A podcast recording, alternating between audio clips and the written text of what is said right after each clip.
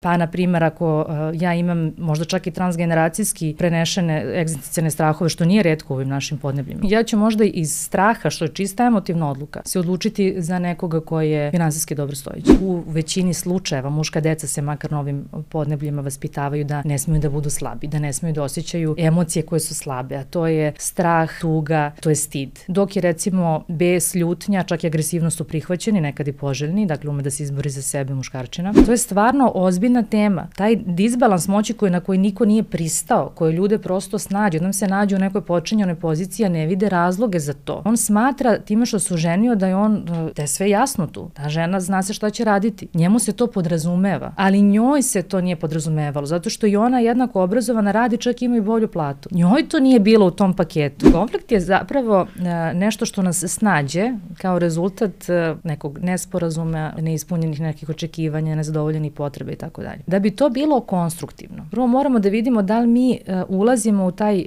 konflikt kao u debatu ili kao u dijalog ili kao monolog. Najčešće se dešava to da dođe on od partnera i kaže slušaj sad ti, sad ću ti ja reći. To je monolog ili saopštenje za javnost. Znači šta time postižemo? Mi smo nekoga samo obavestili, slušaj da ti ja sad da ti objasnim šta se desilo i koje to značenje imalo i, i tako dalje. I ti nemaš tu pravo glasa. Debata je isto problematična. Debati, dakle, mi se borimo za pobedu, mi se ne borimo za razumevanje, za novo saznanje neko. Mi se borimo za pobedu. Znači, šta je debata? A dijalog, poziv da se učestvuje u dijalogu, to je već drugi par rukava. Tu je rešenje da svako odustane od te svoje naučene igranke. I ovaj što navaljuje baš tada, iako mu celo biće vratno u tom trenutku govori sad ga stisni, sad neka kaže, Najčin sad morate sine. da rešite. A da kažem i ova tehnika mirroring, gdje mm -hmm. ti jasno kažeš šta te muči, a onda ja trebam da iz, mm -hmm. ti pokažem da sam te čuo, da pokažem da se trudim da te razumijem i da bo, što bolje ponovim to što si ti rekla. I onda se dešava nevjerojatna stvar, da čovjek ne može ponoviti jednu rečenicu, a misli da je hiperinteligent. Aha, znaš zašto se to dešava?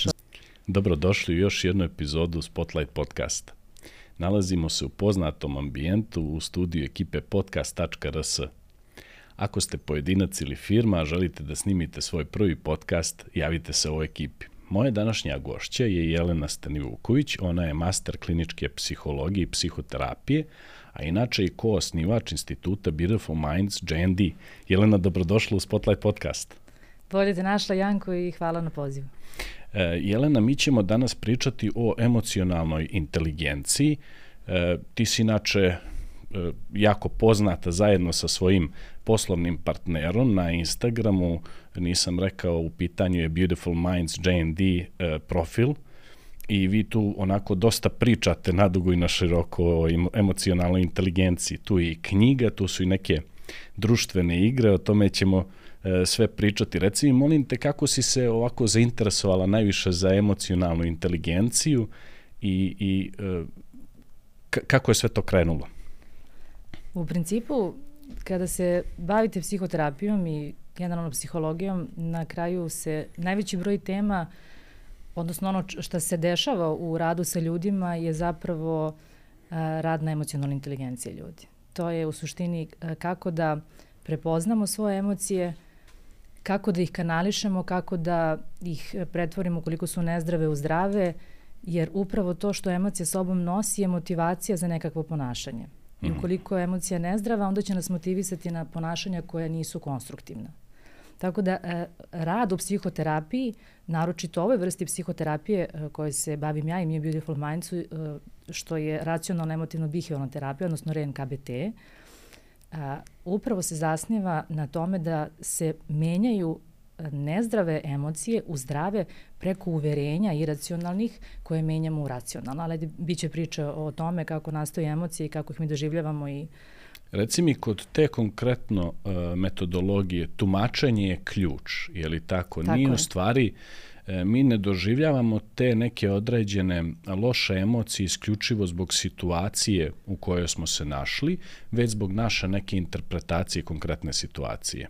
Baš tako. Možeš li da mi kažeš e, šta je pro problem e, sa tolikim tumačenjem koje nas odvodi u neke iracionalne momente razmišljanja? Ako kada doživimo nešto, odnosno input iz svih pet čula, prolaze, ne znam, kroz talamus i onda idu u uh, nešto se zove limbička struktura. Dakle, to je uh, nije neokorteks, nego limbička struktura, to je, možda si čuo, si, dosta se priča amigdala, Tako hipokampus je. i tako dalje. I tu se suštinski e, generiše najviše, do, najveći deo emocionalnog odgovora. Uh -huh. Međutim, takođe sve te informacije putuju jednim dužim putem do prefrontalnog korteksa. U prefrontalnom korteksu su smeštene naše egzekutivne funkcije. Dakle, naša sposobnost, sposobnost rasuđivanja, um, logičkog zaključivanja, planiranja, inhibicije, impulsa, donošenja odluka i tako dalje. Znači, sve ono što suštinski čoveka odvaja od životinja, ajde kako da kažem. Ajde kažem, u tom uh, prefrontalnom kortekstu su se dešava taj kognitivni dio, je li ta dublja analiza. Tako je, tako je ali uh, mi imamo tu mogućnost da koristimo. I to ono što se dešava u psihoterapijskom radu. Jer mhm. inputi iz onoga sve što se de, svega što se dešava oko nas i u nama ne idu samo tim kraćim putem do libičkog sistema, mm -hmm. nego idu i tim dužim putem. Samo što je ovaj kraći i brži i mi često ne sačekamo dovoljno da ukrstimo uh, informacije koje smo dobili iz našeg egzekutivnog sistema i da izaberemo možda bolju reakciju za nas. Da li to znači da amigdala ima neku vrstu prečice za neke određene Tako informacije je. koje nijesu do kraja obrađene i onda ona nama daje nešto što bi bila neka intuitivna reakcija? Impulsivna, impulsivna, impulsivna automatska. Aha. Jeste, amigdala je jako važna i zajedno sa hipokampusom i još nekim strukturama. Prvo hoću da kažem da je ovo tako jedno šematizovano i pojednostavljeno pričanje da bi se lakše razumelo. Da Jasno. kažem, to je daleko kompleksnije od ovoga. Sad ako jedan centar i drugi centar i to je tako, nije baš tako. Ali da bismo lakše razumeli, tako pričamo malo pojednostavljeno. U suštini, taj kraći limbički put, sub, subkortikalne strukture, tu se nalazi banka naših emocionalnih sećanja. Mm. Dakle, sve što smo doživjeli lepo i loše vezano za određene događaje je uskladišteno upravo tu. Od kad kreće to? Od kad mi krećemo da pamtimo? Jer vidio sam da u nekom malom istraživanju koje je prethodilo ovoj emisiji ti si uputila na neke knjige, ja sam nešto pokušao tu na brzinu da se informišem. E, reci mi, e, u kom momentu mi krećemo da e, na neki način taložimo te informacije, je li to neka prva, druga, treća godina života i vidim da dosta nekih da kažem informacije koje ne prolaze kroz taj proces evaluacije se tu e, tu se storidžuju. Apsolutno se stoređuju informacije, inputi koje dobijemo od prvog dana, sada na različite načine, ali da ne ulazimo u, u, u jednu sad još širu Dublju oblast. Temu. Da, da, da. Izvini, molim te. Ti Znam da interesantno da te zanima. Hoćeš da pojednostaviš, da. ja te uporno uvlačim I, ovaj imamo dio. vrlo ambiciozan plan šta sve treba jasno, da ispričamo. Jasno. Pa, I, i, ja hoću kraćim putem. Može. A, Dakle, taj kraći put koji smo rekli je uh, jako važan. Njega imaju životinje, bez njega ne bismo preživeli. Uh mhm. -huh. Dakle, tu, to je, da da pričam, banka emocionalnih sećanja, sve što smo doživeli i kad je tu. I uh, uloga toga je da nas suštinski zaštiti i da nam skrati put. Dakle, mozak e, želi da što više stvari automatizuje i da nam skrati vreme procesuiranja. Uh, šta god da radimo, mozak će tražiti prečicu. Znači, yes.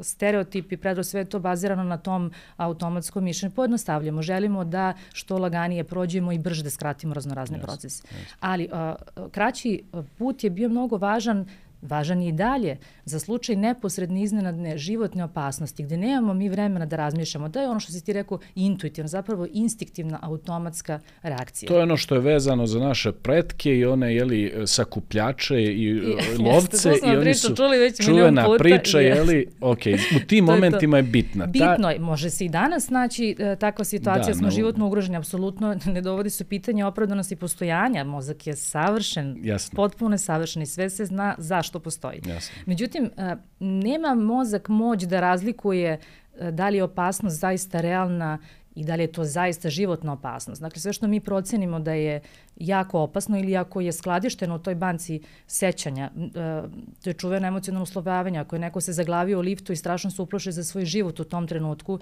taj strah od lifta će biti, biti toliko jak da će ta osoba imati i instiktivnu reakciju da pobegne, da ne uđe u lift. Koliko god to bilo možda besmisleno i koliko god da još 10 ljudi ušlo u taj lift i nikom ništa nije bilo, to je jako. To je ta recimo reakcija amigdale. Ne može čak ni da uključi procesuiranje iz drugog dela mozga, odnosno može, to se radi na terapiji i tako dalje, može da se dođe do toga da se prevaziđe. Ali a, e, to je to, skladište se sve informacije koje su a, važne. Što je emocija bila intenzivnija To je ona više zabeležena, kako da kažem, dublje, dublje trag je tu. I to će reakcija u sličnoj situaciji biti brža. Mm. Imaćemo manje mogućnosti da ošte sačekamo i da razmislimo o tome šta se dešava. Ali daleko od toga da smo mi nemoćni i da smo slepo vođeni našim emocijama. Evo sad ću ti dati e, jedan primer. Ako smo neko ko recimo reaguje strašno burno na partnera kad god nas e, prekine, zato što smo to možda e, upamtili iz detinjstva da je otac ili majka nas prekidala, nije nas dovoljno poštovala, dismisovala onako, ni, tvoje mišljenje nije važno, bila stroga šta god ili bio strog. I to smo poneli kao neki uh, utisak nečeg jako lošeg. Uh mhm. -huh. I svaki put kad partner nas prekine, uh, mi smo u stanju da eksplodiramo, da nekom drugom možda nije jasno zašto je tolika sad ta reakcija možda nesrazmerna, odnosno to što se desilo, da.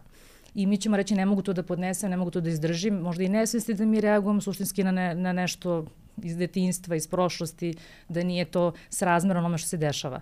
Ali ista ta osoba, ili evo ako sam to ja, na primjer, ako odem u firmu i na sastanku sam i direktor me ili moj nadređeni me prekine, Pa pitanje da baš da ću mu reći mrš ti da. sad idem ja zatvoriti vrata da i otići. Da mu odbrusim, da. Dakle, imam tu mogućnost da, da inhibiram tu svoju impulsivnu reakciju koja mi se javila. Najčešće imamo, samo biramo da je ne upotrebimo.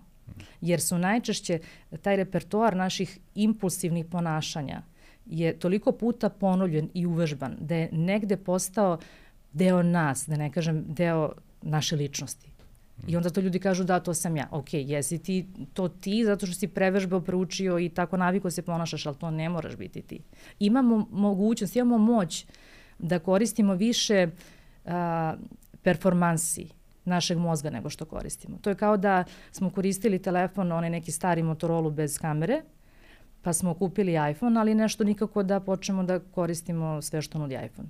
Nego smo se zadržali na Motorola i samo okrećemo broj Jasno. i šaljemo poruke a ne, ne tražimo ni, koristimo ni pretraživač, ni kameru, ni snimanje glasa, ni mapu, ni ništa. U ovoj lijepoj knjizi koju si mi ti dala, inače u pitanju emocionalna inteligencija eh, Daniela Golemana, ja sam tu naučio fino nešto i kaže emocija potiče od latinske riječi i movere, nadam mm -hmm. se da je to to. Mm -hmm. Imao sam sigurno neki tri iz latinskog. E, što, zna, što je glagol koji znači pomjerati se i kretati se. I onda mi odmah to podsjetilo na jedno pitanje koje kaže da li onda svaka emocija podrazumijeva određeno kretanje, podrazumijeva određenu reakciju? E, jeste u pravu si. Jedna važna uloga emocija je zapravo zašto mi imamo emocije uopšte, da bi nas one motivisale na određeno ponašanje, odnosno da bi nas premile za nekakvo reagovanje, za adaptaciju, odnosno na ono što se dešava oko nas. U tom smislu ta emocija ne mora nužno da motiviše i spremi organizam za kretanje, nekad će baš da spremi za povlačenje Jasno. ili za ono retreat. retreat potpuno stani, friz, ne radi ništa, i tako dalje. Zavisi u koju emociju smo upali, kako da kažem. Ali to je reakcija na određenu situaciju. I tako, da. Znači, motiviše nas na, na reakciju e, i ona se vrlo dešava, svaka emocija se vrlo materializuje u našem telu. Dakle, to nije nešto što se dešava, ne znamo nija gde, nego uh, svaka emocija pokreće ozbiljne, mislim, ozbiljne pokreće a, biološke hemijske procese koji dovode do fizioloških reakcija i to je sve u funkciji pripremanja organizam na neko reagovanje ili ne reagovanje, na nekakvo ponašanje, kako da kažem. A, tako da, da, i zato je važno, i ovo što mi radimo o terapiji, da vidimo ta emocija koju smo doživeli, ona je tu, mi je doživljavamo. Nema potrebe da da, da kažem, da krivimo sebe, da se ljutimo na sebe kad smo već doživjeli, bez obzira što je nezdrava, na primjer. Ali je momena da se preispita a, zahvaljujući čemu mi upadamo u nezdrave negativne emocije. A, mnogo tu ima doprinosa, ono što si na početku me pitao, na koji način mi održavamo a, negativno nezdravu emociju u sebi. Emocija bi samo od sebe došla i prošla. Da. Ona neće ostati tu zaovek ukoliko mi ne podrivamo s nekakvim našim razmišljanjem i sa našim uverenjima. Naš, ne mogu ja biti ljuta ceo dan zato što me neko iseka u saobraćaju. Ja ću u tom trenutku, možda će biti impulsna reakcija, se naljutim ili ću da se uplašim. Ali tek kako ja nastavim da razmišljam i da pujdam se razmišljam kakav budala, vidim šta uradi, komu dade dozvolu. Zašto se meni uvek dešava? Nema, ja sam baksuzma, ovo je strašno. Evo sad ću, ne znam nija šta će se desiti sa mnom. Stalno ja i to će mene da udržava u nekom, u toj istoj emociji i otići ću još u, u gore raspoloženje. Tako da uvek tu ima e, i ovoga šta, ka, na koji način mi možemo da doprinesemo održavanju negativne uh, emocije, a istim tim putem, razmišljanjem, samo drugačijom vrstom razmišljanja možemo da utičemo i na smanjenje intenziteta emocije ili čak i na promjenu, da, da doživimo potpuno drugu emociju. Umesto nezdrave, zdravu. Ne pričamo o tome, treba da doživimo pozitivnu emociju ako nam se dešava nešto što nije dobro za nas. Ali ne moramo da doživljavamo ni nezdravu negativnu emociju kao što su bes, kao što su krivica, kao što su pretirana ljubomora, kao što su stid, kao što su sram, kao što je anksioznost. To su sve blokirajuće.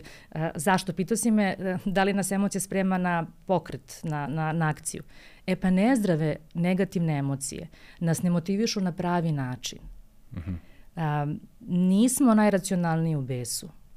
Nisam sigurna da pravimo dobre uh, izbore kada smo pretrano besni. Uh, kada osjećamo strašnu krivicu, krivica uh, traži kaznu.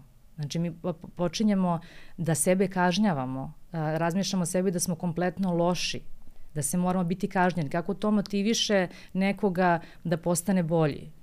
Znači, u, u, nudi se alternativa, na primjer, u odnosu na krivicu to bi bilo kajanje ili žaljenje. Žao mi je što tako pokušat ću da se ispravim i da sledeći put to ne uradim. A ne, ja sam zbog toga sad loš čovek i treba me ubiti.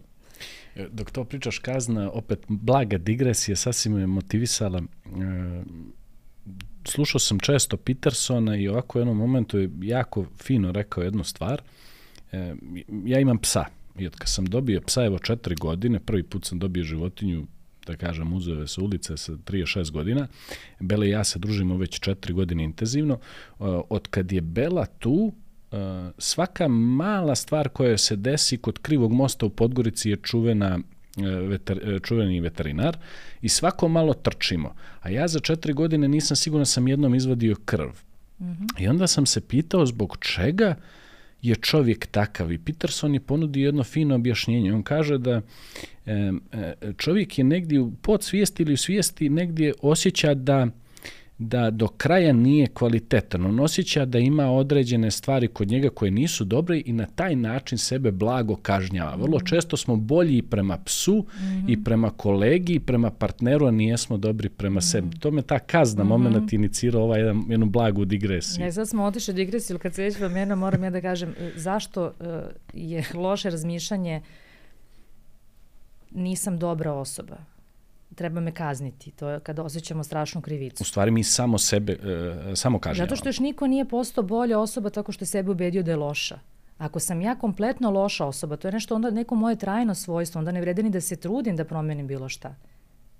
To krivica otvara vrata direktno za depresiju. Ni, ni, zato je nezdravo to. Ja ne kažem da to nije ljudsko osjećanje, da, da se to ne dešava ljudima, ali postoje načini i mehanizmi da se umesto toga ispravnim načinom razviš, razmišljanja koje je realističnije a, i fleksibilnije, da ne podgrevamo kod sebe ili da ne uvodimo sebe u krivicu, nego, na primjer, u, u a, križu savesti, u kajanje. U žao mi je, daj da promenim šta mogu. Mm, e, vrlo često sad nisam siguran zbog čega lideri misli globalno ovih dana upravo forsiraju taj moment da se čovjek rodi loši kroz proces života, postaje bolji i tu negdje i Tim Grover, jedan od motivacijenih govornika, guru i sportista, govori jeli, e, e, e, rođen loš, e, e ostvario se kao dobar, ajde, mm -hmm. to je mhm. malo nespretan prevod. Ali dobro, da se vratimo na ovaj naš dio, Reci mi, e, pomenuli smo amigdalu i sve te neke njene uh mhm. -huh. šorkate koje ona ima. Reci mi, zbog čega je to o čemu si ti malo prije govorila, zbog čega mi, pored sve te evolucije i tih nekih alata koje smo dobili tokom procesa evolucije, zbog čega mi naglo uh, postajemo loši, naglo uh, mijenjamo raspoloženje, uh, naglo imamo burne reakcije? Vidi, svako od nas siguran sam da ima neki svoj okidač. I ne reagujemo svi, odnosno najveći broj ljudi ne reaguje burno na sve. Da. Ali postoje neki okidači, svako ima svoje crveno dugme, koje kada se pritisnu smo u stanju da odemo u crveno od 0 do ne znam. Do 7000 obrtaja. Tako je. A, to, je, to je činjenica i to se dešava. Prvo, svi smo drugačiji i čak smo i genetski predisponirani drugačiji. I to je sad čuvena priča o temperamentu. Uh, to je to biološko jezgro naše ličnosti, gde mi imamo unapred... Da li je naš temperament naša sudbina? Pa ne, ne bih ja to tako rekla. Da li je to tendencija da reagujemo na određene klase stimulusa na drugačiji način, tipa neko je sad ovo sad što pričam je po Kloninđerovom modelu, bio psihosocijalni model ličnosti koji je jedan od najaktuelnijih danas, Kloninđer i Švakić. Um, neki od nas su u surođenim predispozicijama, na primjer, da traže novinu. To su ljudi koji su probativni, koji hoće da eksperimentišu, koji jako teško mogu da e, prate repetitivne stvari, dosadne poslovi i tako dalje. To jeste nešto što je u njima i najverovatnije bi bilo dobro za njih da ne nađu nikad takav nekakav posao.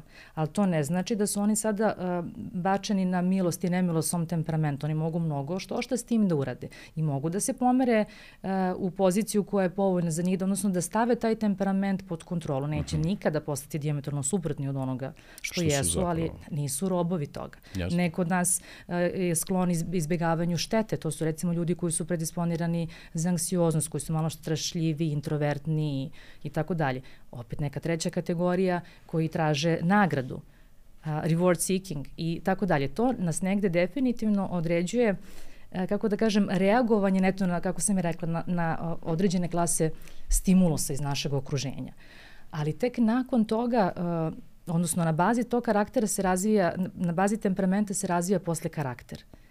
E, to je ono sa čime se mnogo može odigrati. A karakter se gradi, odnosno šta utiče na razvoj karaktera?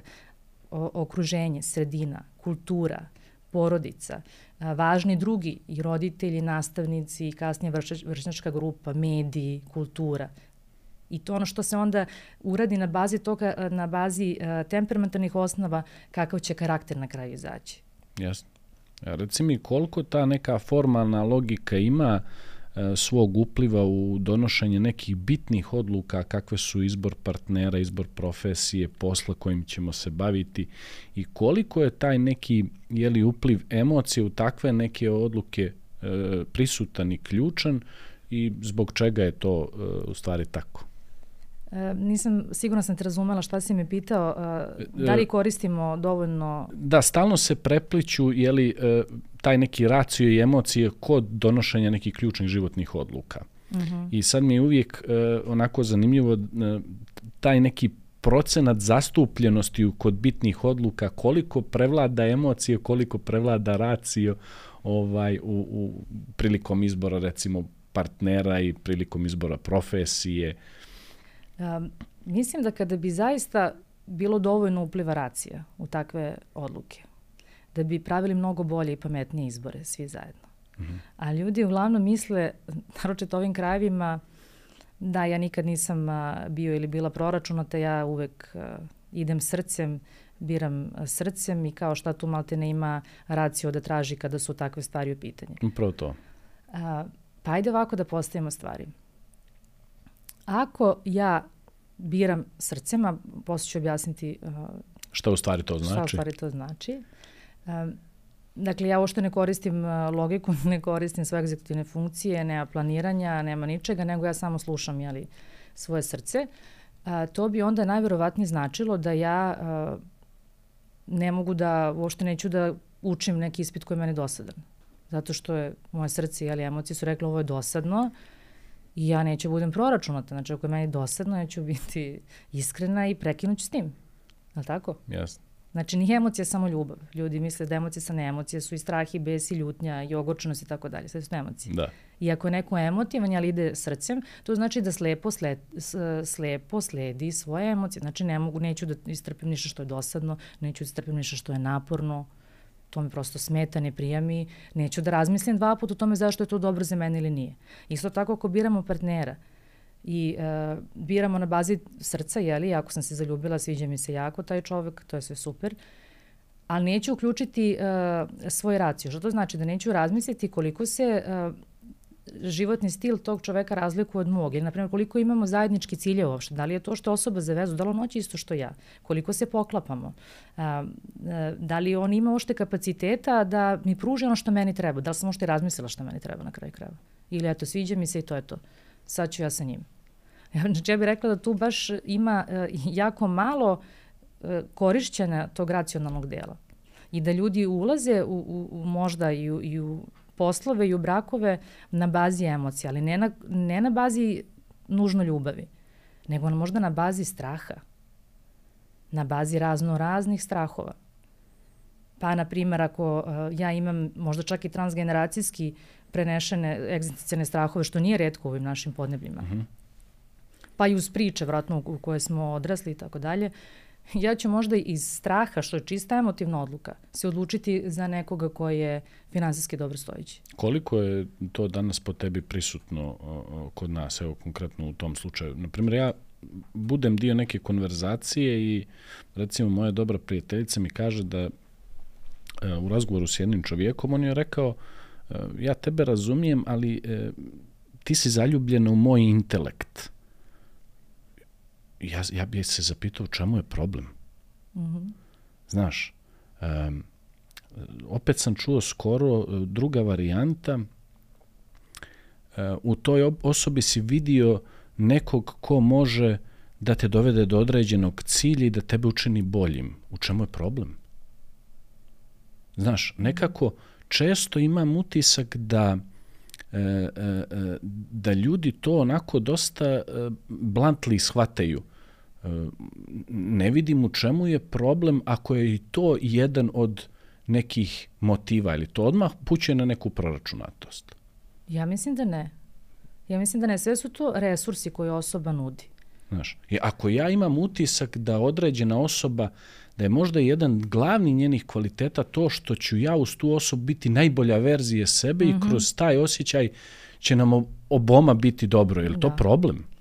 Pa ne znam, to treba pitati osobe da li im je problem. Znaš, ne, ne, onako da često, da. često, često te neke stvari su onako neki tabuji, mm -hmm. znaš, i onda kad, kad čujemo tako neke terminologiju, jeli, ovaj, e, neka ljubav odluči neka srce odluči mm. ili e, e, za, jeli, biram partnera kroz ljubav, koliko zaista smo mi u mogućnosti da identifikujemo taj neki konglomerat nekih razloga koji se dovode u pitanje kad je takva jedna odluka. Ja, to je vrlo problematična i to je zanimljiva priča o braku, što sad se često, često čujem kako danas ljudi jeli, ulaze uh, u partnerske odnose ili u brakove zbog financija, gde je tu ljubav i tako dalje. Da. Ali ajde da malo razmislimo o istoriji braka. Kad je ljubav počela da se vezuje za brak? Ranije se znalo zašto se ulazi, da se ojača ekonomski, da se ojača porodica, da se podignu neka deca, da ima ko da radi, je li tako? Skoro je neko, sam čuo, kaže, brak institucije koja je e, tu da bi nam e, ukazala na to, e, jeli, ko se bavi djecom u, u, u, u, u zajednici. Dakle, ja se bojim da smo mi možda napravili haos kada smo počeli da insistiramo na ljubavi odnosno na braku iz ljubavi. Pa onda još smo otišli korak dalje, pa onda očekujemo idealizacija toga da očekujemo da je to naš soulmate, da do kraja života mora da nas e, gleda istim očima, da nas jednako voli, da tu strast nikad ne prestane i onda se jeli razočaramo usput kada shvatimo da to zapravo brak je jedan ozbiljan rad sa, gde je potrebno da postoji zajednički interes i zajednički cilj da bi moglo da se opstane. Znači ta preterana možda idealizacija, romantizacija, ulaženje uh, u brak samo isključivo na bazi ljubavi s idejom da će to takva ljubav netaknuta trajati zauvek. Večno. Večno je možda upravo i razlog što se uh, ljudi razočaraju češće pa možda izlaze češće iz braka. Mm. E, e, kaže razvoj e, samospozne emocionalnog toka. E, reci mi, to je jedan moment u partnerskim odnosima često razmišljam koliko zaista partneri kada ulaze u taj partnerski odnos, koliko oni imaju te samospoznaje i, i kako bismo mi definisali tu samospoznaju i čega je ona u stvari preduslov. Je li samospoznaja kao takva emocionalna samospoznaja preduslov te emocionalne kontrole ili, ili su oni usko povezani? Jako je važno u svakom slučaju za svakog pojedinca, e, naročito u kontekstu relacije sa drugim ljudima. Važna je i neovisno o što drugim ljudima. Svako za sebe bi trebao da se potrudi da razume ko je, koji su njegovi motivi u ponašanju u svakom smislu, u mhm. svakom trenutku, da prosto razume koje su njegove potrebe, da zna ako nešto radi, zašto to radi. To je ona e, priča da prepoznamo koje emocije osjećamo. To je ono priča, jeli, da, da je možda nekad i damo ime, jeli? Jer... Apsolutno, i da proširimo malo te emocionalne rečnik, da ne ostanemo u varijanti je nešto sam nervozna, loše sam, a ne znam tačno da kažem zašto i šta je ključni aspekt koji mene trigirovao tu da bi ja upoznala sebe. Šta se dešava sa emocijama koje analiziramo na taj način koje lebde, je li tu malo Freud priča o tim lebdećim mm. momentima, ovaj, ne baratam terminologijom, ali prilike mi jasno o čemu priča. Ovaj, šta se dešava s njima? Šta se dešava s emocijama kojima, koji ne krstimo nekim imenom ili se ne, ne bavimo? Pa ne možemo da pomognemo sebi. Svaka emocija nosi informaciju o to da li je da. neka naša potreba zadovoljena ili nije. Kad je zadovoljena potreba, osjećamo prijatnu emociju, kada nije zadovoljena, osjećamo negativno. I ako mi ne pročitamo tu informaciju, dakle šta osjećamo i koja potreba nije zadovoljena, mi nećemo moći sebi da pomognemo. Ovako, ako ja znam uh, da nisam samo loše, nego sam uh, možda potištena ili tužna, jer me nisu kolege uh, zvale na pauzu, a izašli su da popiju kapu, mene nisu zvali, možda moja potreba za konekcijom, za bliskošću nije, nije realizovana. Pa onda mogu da uradim nešto sa tim.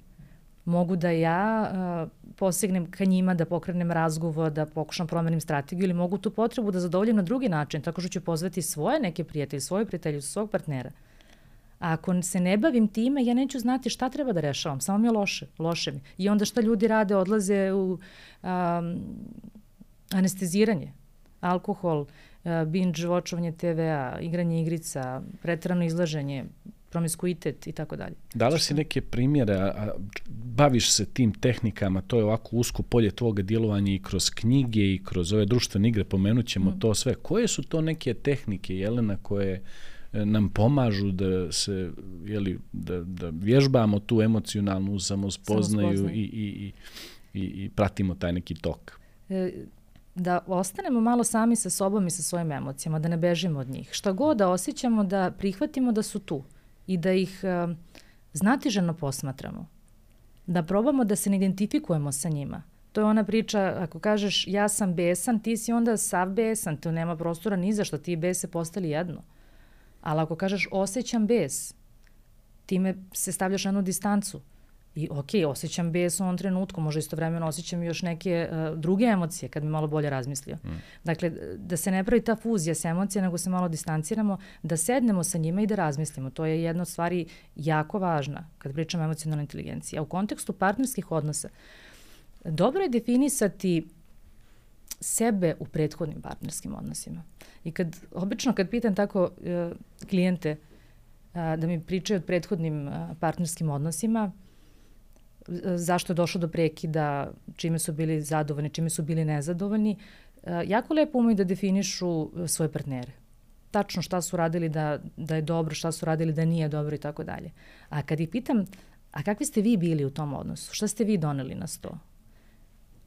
Tu se zbune redko ko zna da odgovori na to pitanje. Do te mere nekako ne razmišljamo o sebi. Ne razmišljamo o sebi uh, sve to što smo mi poneli kao možda ranu i povredu ili iz detinstva ili iz prethodnih odnosa, na koji način će to ili je ugrozilo moj sadašnji partnerski odnos. Uh, jer rana koja se ne leči krvari po drugima obično.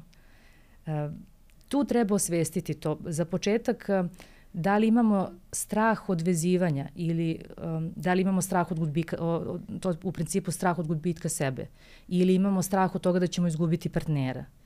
Uh, uglavnom je ili jedan ili drugi, nekada imamo oba straha pa se aktiviraju kako kada. I da vidimo kako taj strah može da utiče na moju vezu. Kako ću ja njega da kontrolišem, da ga obuzdam. Imam nekak utisak do tog pričaš je da, da, je, da je opšti dojam da mi mnogo bolje analiziramo tuđe živote nego mm -hmm. sobstveni i to se naprosto samo prenijelo na, na partnerski mm. odnos, a kako smo s partnerom u jednoj intenzivnoj, cijelonedeljnoj, cijelogodišnjoj komunikaciji, interakciji, onda je vjerovatno i taj moment intenziviran. Yes. E, koliko ti zaista imaš utisak da mi radimo po tom pitanju, da se stavljamo u cipele drugih ljudi, da pokušavamo da razumijemo iz kog ugla Uh, oni nas posmatraju i šta je možda to zbog čega su oni reagovali na određeni način. Koliko mm. uopšte mi imamo vremena danas i koliko percipiramo uh, život iz te neke, iz te neke vizure. Evo to, Janko, što si pomenuo, to je zapravo empatija. E, je... ni, ni malo slučajno, jer je to sledeće pitanje i ovaj... E, to je izuzetno važno i jedan od stubova emocionalne inteligencije. I mi se svi negde rađamo opremljeni biološki. Imamo te e, mirror neurone, neurone ogledala i da ih nemamo ne bismo bili u mogućnosti da se rastužimo kada gledamo uh, film i tužnu sudbinu glavnog junaka. Ne bismo, znači to je empatija, mi smo se saživeli sa njim, kako da kažemo, osjećamo to što on osjeća i prosto se rastužimo. Uh, dakle, mi uglavnom imamo šta više, ako neko nema empatiju, Hroničan dostatak empatije je diagnostički signifikantan i relevantan za diagnozu najčešće poremeće ličnosti ili raznih poremeća i spektra autizma i tako dalje. Ali da li ne radimo dovoljno na razvijanju empatije, to je apsolutna činjenica, i da li uh, odgoj, na primjer, i vaspitavanje naročito muške dece, mada ne volim da generalizujem. Da li nas sprečava, da li ih sprečava da osjećaju dovoljno empatiju, to je tačno. E, Evo sa... Izvini, završi. Izvini. Uh, u principu u, u većini slučajeva muška deca se makar na ovim podnebljima vaspitavaju da ne smiju da budu slabi, da ne smiju da osjećaju emocije koje su slabe, a to je strah, to je tuga, a to je stid. Dok je recimo bes, ljutnja, čak i agresivnost su prihvaćeni, nekad i poželjni, dakle ume da se izbori za sebe muškarčina. I radost je okej, okay, ali ove emocije nekako ne. Dok devojčice, to je čak i poželjno, još ako gledamo istorijski, to je bio znak ženstvenosti, ženska suza, jeli, strah, zaštiti me. I tako da su uh, ženska deca češće u kontaktu sa svojim emocijama, jer im je prosto moglo biti, kako da kažem, tako su odgojene. A ja da bi osetila šta ti osjećaš, ja moram da dođem u kontakt uh, sa takvim emocijama u sebi, da probudim njih kod sebe, da bi ja mogla do, da osetim tvoju tugu, da se stavim, kako da kažem, u tvoju poziciju. Mm -hmm, znači... E, I onda uh, oni, oni, muškarci i dečaci koji su prosto vaspitavani da to nije okej, okay, da ne trebaju da se plaše nikad, da, um, da osjećaju stid, tugu, onda oni ne mogu da uđu empatiju jer beže od tog dela sebe to osjećanje ni sebi nisu dozvolili. I onda je klasična priča, neće da sasluša ženu kada priča o konfliktu sa prijateljicom. I što je tužno toga što, što je Sova nije javila. Muškarac će odmah skoči na rešavanje problema. Ne, uošte ne može da empatiše, nego će odmah kažem, ajde, molim tu radi to, to, to, ajde, čeka, čega se ti sekiraš, kakve su to gluposti i tako dalje. Ili možda to gleda kao neku vrstu ovaj, chit chata ili kako kažemo, kao neku vrstu, ovaj, nije blagog ogovaranja, ali možda ima i toga, nego pričamo o momentima kada uh, žena apsolutno pokazuje tugu, žaljenje, kako bol zbog, zbog situacije, zbog situacije treće, sa trećom osobom gde muškarac će pre da skoči na rešavanje problema i ne može da empatiša, što mm. ne može da, da- znači, da, zato što ne može se poistoveti s tim emocijama u sebi. Mhm.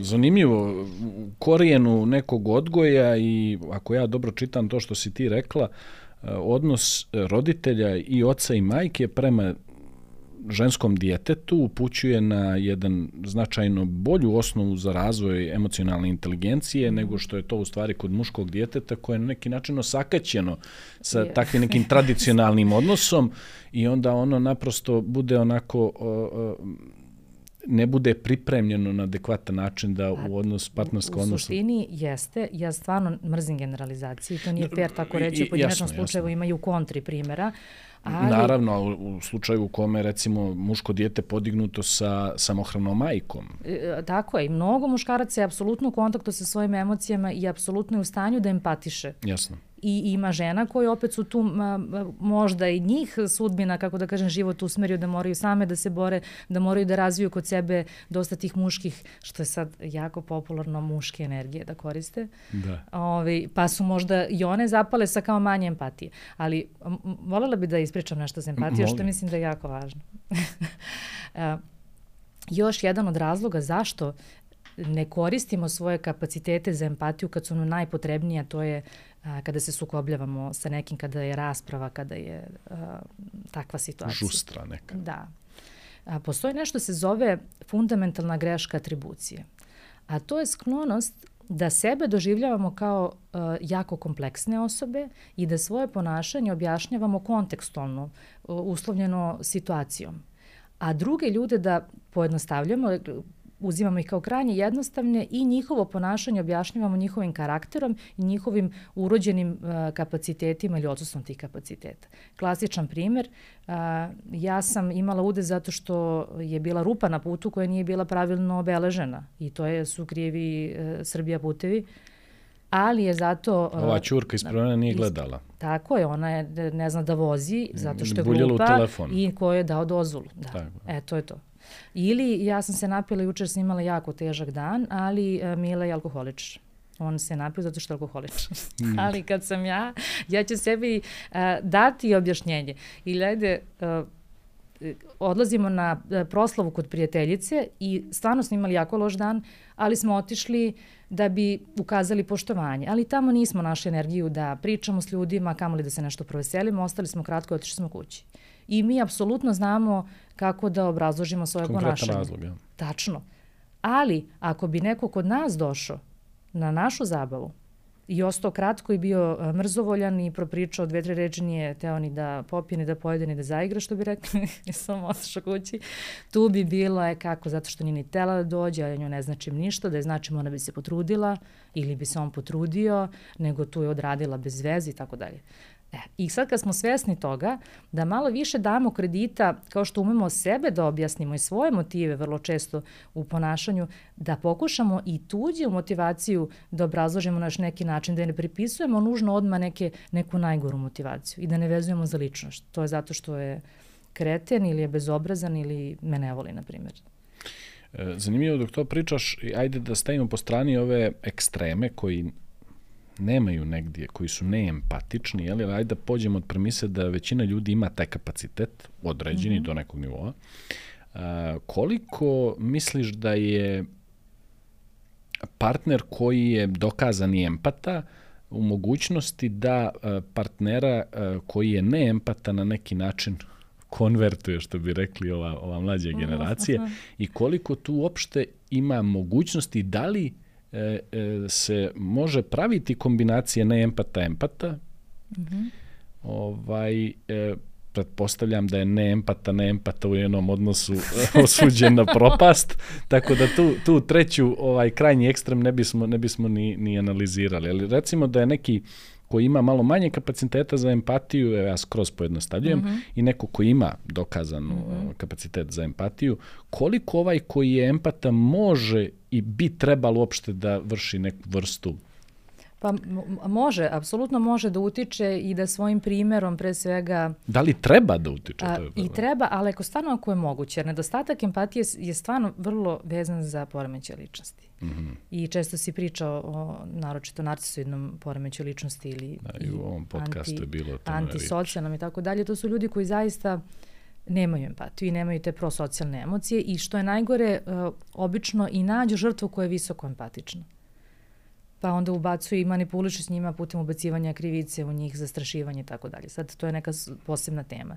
Da. A, s druge strane, ako pričamo o manjku empatije kod nekih drugih kategorija, kod, na primjer, nekog uh, autističnog spektra, ali u onom blažem, blažem, blažem smislu, jesu ljudi koji su funkcionalni, ali jednostavno um, nemaju sposobnost tolike mentalizacije u smislu da se baš stave u tuđe cipele i da pogledaju iz tuđeg prozora, ako su inteligentne, dešava se i to, um, oni mogu da uče iz iskustva, da mogu da uče iz feedbacka. Možda ne osjećaju to, ali vide šta treba. Da. Pa će naučiti inteligencijom mogu da nadoknade. Jasno. Ali uh, ako je poremeće ličnosti, onda ne može. Oni ne mogu da uče iz iskustva i nemaju kapacite da uče iz iskustva, jer su vođeni primarnim emocijama, tako da, da ne otvaramo sada okay, priču jasno. dalje. Samo me taj moment mm -hmm. zanimao. A reci mi sad jedan drugi moment dokazani empata u društvu. Mm -hmm. e, vidjeli smo ga da je prema prijateljima dobar, prema kumovima, e, prema, dje, prema djeci je izvaredan, ali e, u odnosu sa partnerom čujemo te svađe. Jeli, prođemo mm -hmm. prođemo, penjemo sa stepenicama, ne radi lift i čujemo tu svađu kod naših mm. komšija, za, prepoznamo glas komšije koji je stvarno dobar komšije, uvijek je tu mm. da nam pomogne, ali te svađe su dosta učestale i onako završavaju se e, ne tako milim mm. scenama. Šta, šta se tu dešava? Zbog čega je to tako? Ne, najverovatnije imamo različite uloge koje igramo sa različitim ljudima. I lako je biti, uslovno rečeno, igrati ulogu dobro komši, jer s komšijom nismo 24 sata, uh, 7 dana nedeljno ili godinama unazad. A najčešće nadrljaju oni naši najbliži, prvima kojima i osjećamo, da kažem, slobodu da ne moramo ili da se pretvaramo da smo nešto, da smo nešto drugo. Tako da neko apsolutno može da bude jako dobar komšija, može čak da bude jako dobar sin ili jako dobra čerka, ali da bude izuzetno loš partner. I, e, i obrnuto. I suštinski, kvalitet odnosa koji imamo sa odnosom, apsolutno nema nikakve veze sa moralnom dilemom ko je kakav čovek. Znači, može se imati jako kvalitetan odnos u smislu da nas osoba poštuje, uvažava, sluša, čak nam pruža i neku utehu emotivno, a da se recimo bavi kriminalom i da sa aspekta konvencionalnog morala to je jedna nemoralna, je li loša... Jeste krajnje osuđujuća, da. Ali može se imati kvalitetan odnos sa Jasno. takvom osobom. I obrnuto.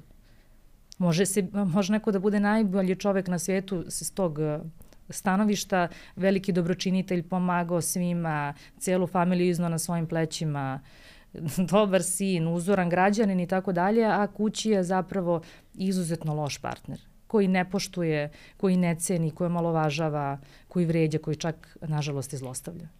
I onda je to tema za svakog od nas da nezavisno toga ko je kakav u kontekstu odnosa sa drugim ljudima, kakav je taj neko prema nama, šta mi dobijamo od te osobe. Može to da nam je i dete najrođene, da ti kažem, i to se dešava. Pričamo o deci koja su odrasla, pa su e, prilično loše prema svojim roditeljima. Neka je to, dakle, neko najrođeniji, mi treba da procenimo a, kakav je taj neko prema nama, kakav je to odnos, da li je to zdrav odnos i da li to nama prija i kako da se mi tu zaštitimo. I takođe važi, ja mogu da te volim najviše na svetu, ali da procenim da si ti za mene toksičan da meni nije dobro da ostanem sa tobom. Iako 99% ljudi na ulici tvrdi da si ti najdivnija osoba tako na svijetu. Tako je. Ali ono što ja dobijam od tebe, meni stvarno nije okej. Okay. Jasno. E, nerijetko je situacija da mi čujemo da u kriminalnom miljevu negdje vlada ta neka nepisano pravilo da oni funkcionišu po nekim postulatima koji su dosta ovako uslovno rečeno čovječni. Da. Ne možemo da ih nađemo u svakodnevnom mm. životu. Uvijek da, mi je da. bilo fascinantno ono kad se desi, mada je stvarno bizaran primjer, desi se neko ranjavanje ili nešto, oni uvijek kažu da ne znaju ko je i da su se samo ranili, ja, uvijek su, se ono pitaš ili to da bi što prije sa slobode vratili, ono u stvari ne, oni, to je spoznaje, ja se bavim kriminalom i to je sastavni dio moga Aha. posla. Neće da budem cinkara. Dok ovaj drugi, tako je, dok ovaj drugi, ne znam, ovaj me zakačio mi je tablicu na auto, stajemo, svi staje saobraćaj, mora policija da dođe da izvrši uviđaj i tako dalje. Ovdje sam zapisao još neka pitanja, malo ću mhm. se podsjetiti da volim da sve prođemo, koliko god imamo vremena.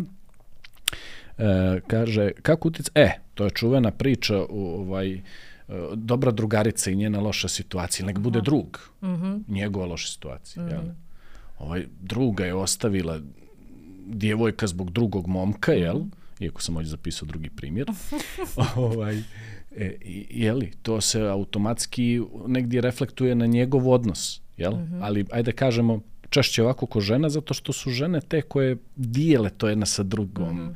pričaju više o tome, više jeli, prolaze kroz te neke pojedinosti. Mm -hmm. Ne znam da li se slažeš sa mnom, da. ali šta se dešava sa tim jednim momentom? Znači, jeli, um, drugaricu je ostavio dečko zbog drugi ili naprosto otišao za boljim životom u inostranstvo i uh, ova druga drugarica već ima problema u svojoj vezi, jer odmah ona vidi sve one nevidljive falinke njene veze i najčešće i njena veza ode u rupu zbog takve neke situacije. Kako se da, da. izboriti sa tim i kako negdje naći opet taj neki raciju i reći ček, ček, ovo je ipak moj život. Da, to je klasično situacijono kada se desi tako nešto nama bliskim ljudima ume da pobudi i anksioznost kod nas. Jer ta zabrinutost, na primjer, sa šta će biti s mojom vezom, to je jedan iracionalan strah.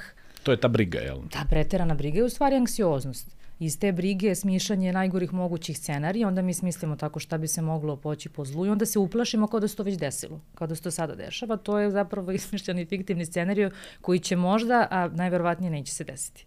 E.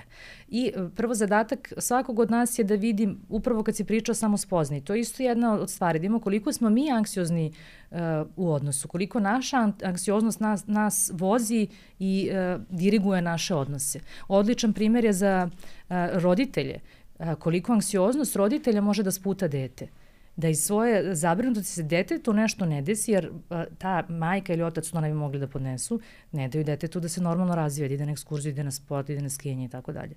Znači, ne zaradi se tome da taj roditelj voli to dete mimo drugih roditelja, nego je prosto anksiozan i treba da reši svoju anksioznost. Isto tako u partnerskom odnosu. Svaki partner treba da pokuša da reši svoju anksioznost. Jer ukoliko je ne reši, šta će se uh, tačno desiti? Pokušat će da uh, kontroliše tog partnera, da jadikuje, da se lepi za njega, jel tako, ili će da provocira svađe iz te svoje muke, zapravo će ga odgurnuti. Onda možda imamo ovaj moment samo ispunjavajućeg proročanstva. Ja pre, pretpostavljam da će se to desiti i onda počinjemo napred da te kinjim i onda ti stvarno odlepiš od toga i odeš i evo desilo se. Da. A, dakle, to je moment da svako za sebe prepozna koliko je anksiozan, jer anksioznost svakako smeta u, ne samo u partnerskim odnosima, nego generalno u svim sferama života. A s druge strane, ako je dobar odnos i kvalitetan i ako mi uviđamo da imamo, na primjer, partnera koji je anksiozni ili je nešto provociralo anksioznost, pa fair je i korektno ako nam je stalo do odnosa da adresiramo to da probamo da umirimo partnera, da mu pružimo e, sigurnost koja mu u tom trenutku potrebna. Žene najčešće umeju da napadaju partnera, ti me ne voliš, ne voliš me, evo, na što ovo liči, to je dokaz da me ne voliš, da me ne poštuješ i to tako kažu često svađalački, gde muškarac najčešće ono tome skraja, aj, pusti me više, majke, ne mogu slušam ovu priču, šta radiš ti ženo i tako dalje. A u stvari, ona je napravila tu dramu, jer je njoj trebalo samo da on dođe da je zagrli, da je kaže, dokaz. volim te, blesačo, tu sam, sve je okej. Okay. Ali to je dinamika ona napravi dramu i sad opet izvinjavam ispašće da samo generalizujem mm, i da, yes. da žene, ali nekako i jeste češće to model da su žene te koje su više uh, interpersonalno senzitivnije i, da. i upućenije na negovanje građanja odnosa od muškaraca, pa otuda i takve reakcije. Ali eto, dakle, uh, kada se jedan od partnera ko možda anksioznije aktivira na takav način, ovaj drugi, iako će vratno imati impulsivnu reakciju da kaže, aman, više ne mogu, slušam ovo, možda treba da to pokuša da prevaziđe i da da nežnost i ljubav da razuveri. Da, da razuveri svoju partnerku ili svog partnera time i da kaže hej tu sam, tu sam sve okej. Okay. Da. Ovaj, reci mi sad ovaj jedan drugi dio e, vezan je za e, određene pozicije u odnosu i u braku.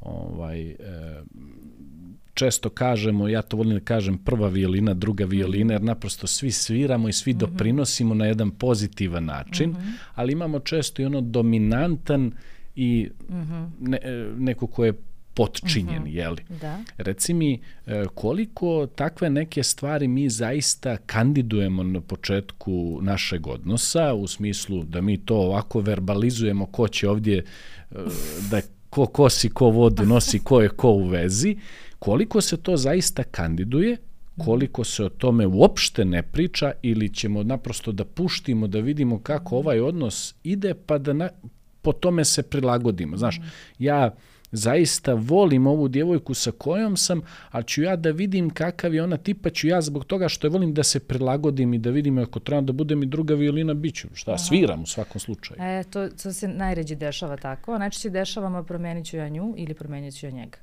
ne sviđa mi se ovako kako je. Sa aspekta ovoga dominantnog, jer ja sam dominantan i promijenit ću Evo, tebe. Problem je što eh, mi kad ulazimo u vezu, mi u suštini a, eh, često napravimo i tako neko pregovaranje sami sa sobom.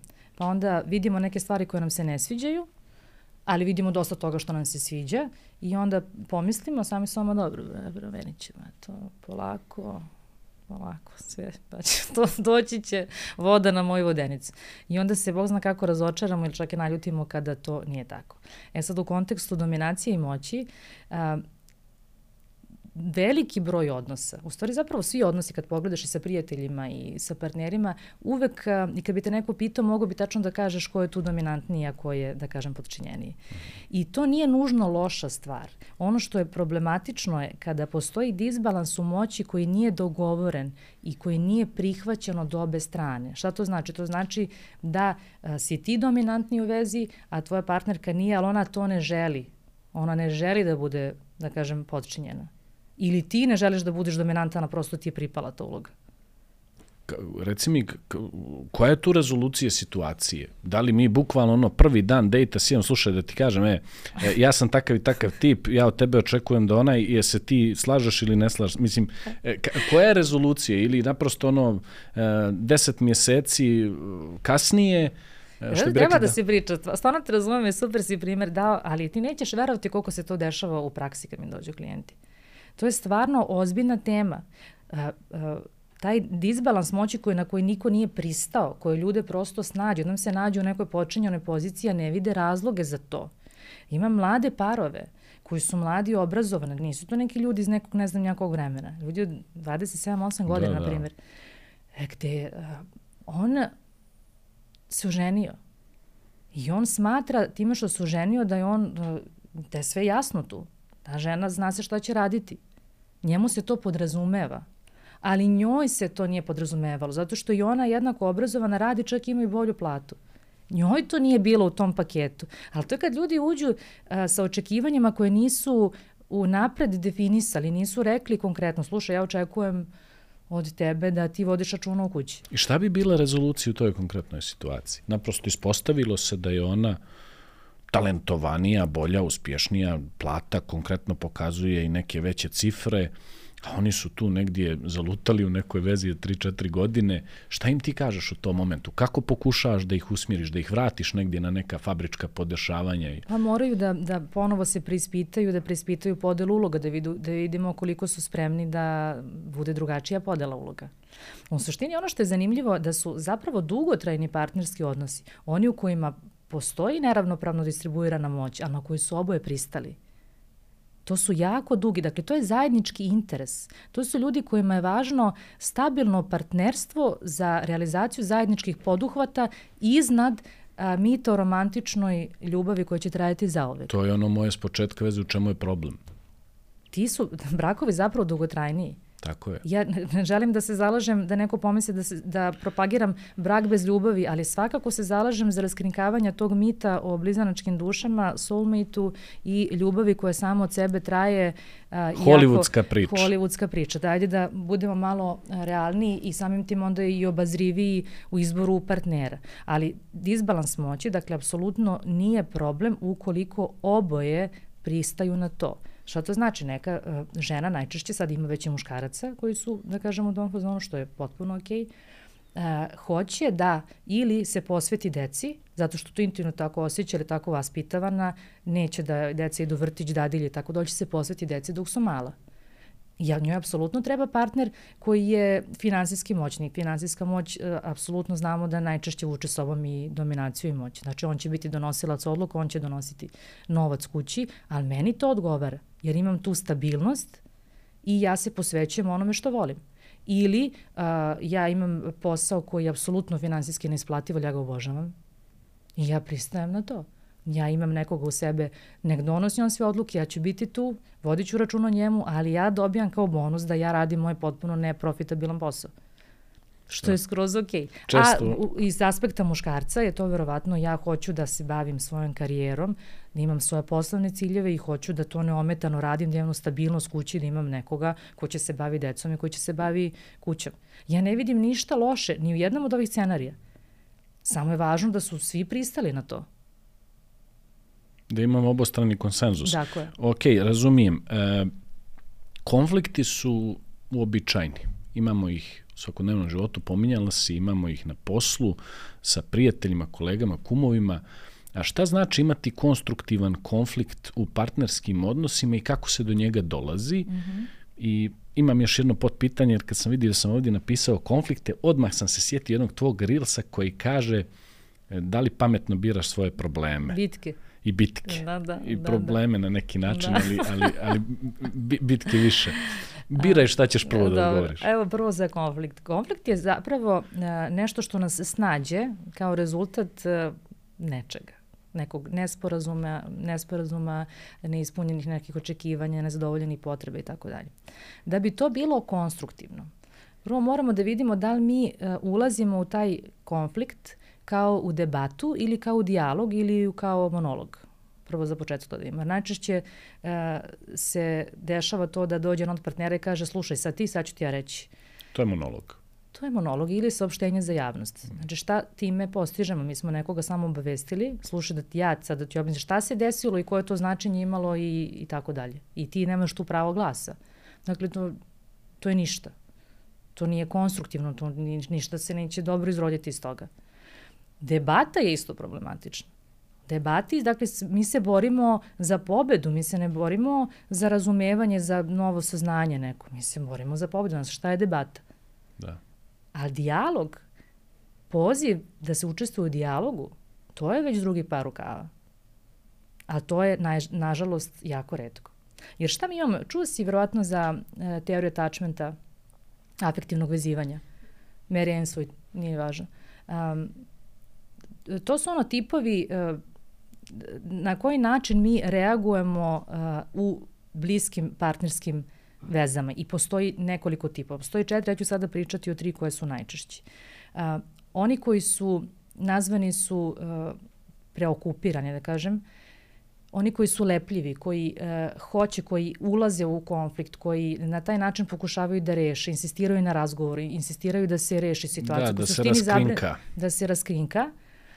Drugi tip je oni koji su um, uh, oni koji odlaze, kako se povlače, kako da, da kažem. Retreatuju. Tako je, koji beže od konflikta, beže od razgovora, beže od bilo kakve rasprave, samo check out, check out, idem, idem, da. idem. Da. To onaj moment žene počne što priča se auto i otišao, ne može to. Je li to onaj stonewalling što pominju? Nije. Pa jeste, slično, jeste, da. vrlo slično to.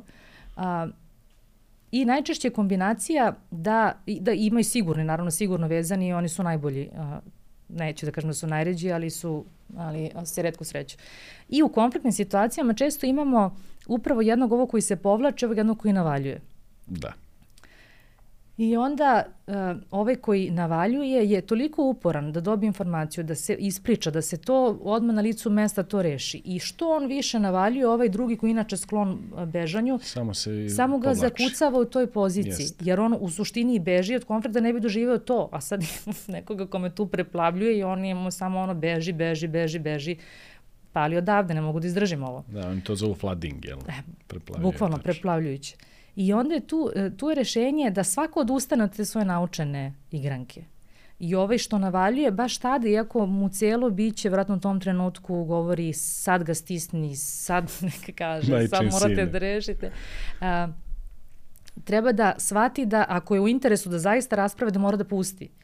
Da pusti njega i da kaže, ok, ti reci kad hoćeš razgovarati. E, to mi reci. Jesu li to neke efektivne tehnike, e, da kažemo, uspješni parovi i ove studije koje pokazuju razliku između uspješnih i neuspješnih su upravo tam e, spoznaje da ti ja dam prostor da ti kažeš, da ti repliciraš mm -hmm. po konkretnom problemu, evo izvoli koliko je uh, određeno vremena mm -hmm. i mhm. nakon toga ću ja reći svoje pa onda da kažem i ta neka bez uplitanja, uh -huh. bez, bez uh -huh.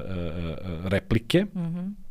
a da kažem i ova tehnika mirroring, gdje uh -huh. ti jasno kažeš šta te muči, a onda ja trebam uh, da iz, mm -hmm. ti pokažem da sam te čuo, da pokažem da se trudim da te razumijem i da bo, što bolje ponovim to što si ti rekla. I onda se dešava nevjerojatna stvar, da čovjek ne može ponoviti jednu rečenicu, a misli da je hiperinteligent. Aha, znaš zašto se to dešava? Zato što shvata da je u njemu problem. Je zato što kada, to je rađeno istraživanje, mi imamo sposobnost samo 10 sekundi da slušamo nešto sa čime se ne slažemo. A sad možeš misliti ako je to nešto loše o nama što nam neko priča. 10 sekundi To je tri rečenice. Nakon toga se check outujemo. Jednostavno ni ne mogu. Šta se deša? Ja onda smišljam sve vreme kako ću ti vratiti. Ti me napadaš, ti pričaš nešto loše o meni ili nešto s čime se ja ne slažem, ja mogu 10 sekundi plafon da te slušam i nakon toga ja te više ne slušam, ja samo smišljam šta ću ja sad tebi reći. kako ću kontra, znači punim municiju, sad ću videti ti, sad ću ja da se odbranim, da smislim ja svoj protiv napad. I zato je ta tehnika, to inače uh, i mago tehnika koja se koristi u, u, u psihoterapiji parova i taj mirroring, da nateramo sebe, da slušamo bez replike, da ponovim tvoje reči i koliko god me one teško pale, ali ih ponovim i treba se ponovi nekoliko puta da bi zaista čula šta ti meni ima da poručiš zapravo, da bi mogli posle da uradimo nešto s tim. Ali ljudi beže od toga jer misle, to je presmešno u terapiji parova, jer oni misle da samim tim što slušaju i ponavljaju nečije reči, da oni time zapravo se kao slažu s tim što je ta osoba Tako rekla. Je. Ali to nema veze s tim, to, to je validiranje vladi. nečije realnosti, samo ja prihvatam da je tvoj pogled na ovu situaciju drugačiji od mog. Tako I to je. to, ja ću doći na red, moja realnost se razlikuje od tvoje. Ali mi toliko želimo da pobedimo u raspravi, da to, to je debata, jeli, mi moramo da pobedimo, da mi nismo spremni da ne budemo u pravu, a da nastavimo razgovor. Znači, to je čuveno pitanje. Da li ste spremni da ne budete u pravu da biste nastavili razgovor? ne moramo biti u pravu u tom trenutku. Hajde da damo šansu da, da čujemo šta se dešava. Nekada su realnosti toliko drugačije da uh, se treća osoba ga sluša zapita da li ovi ljudi pričaju o istom događaju, koliko je svako poneo drugačiji utisak Doživlje. iz jednog uh, istog Doje. događaja, da. E, to je, uf, to, shvatam u jednom momentu koliko pričamo u nekim finim okolnostima o stvarima koje su jako jasne, ali u tom momentu kad nas obuzmu emocije, mi uđemo u taj neki mod ponašanja o kome ti pričaš i u stvari gledamo da pobjedimo nekoga ko je naš najbliži partner. Jeste. Jeste. I koliko je, koliko je tu ne, ne, negdje bitno ovo što je i tvoja jedna koleginica pominjala u, u, u pređašnjem podcastu, taj moment da u stvari vršimo rezoluciju situacije i da mi u stvari rep, repliciramo na konkretnu situaciju, a da se ne obraćamo konkretnoj osobi, da ne kažem da vrijeđamo, mm -hmm. vrijeđamo osobu kao, kao takvu, nego da se konstantno vraćamo na situaciju koja nas je učinjela da se osjećamo loše i tu su onda one tehnike, jeli, ovaj vidi to što si uradio tako, ja sam se zbog, čega, zbog toga Dobre. osjećala loše, a ja bih se mnogo bolje osjećala da si to uradio tako, mm -hmm. na drugi neki način. Da, to su sve tehnike uh, kako da asertivno komuniciramo, ali mislim da je jako važno da naučimo i da uh, efektivno slušamo da slušamo, zašto nam je toliko teško da saslušamo što neko ima da nam kaže? Zašto odmah moramo da smišljamo uh, odbranu i protiv napad?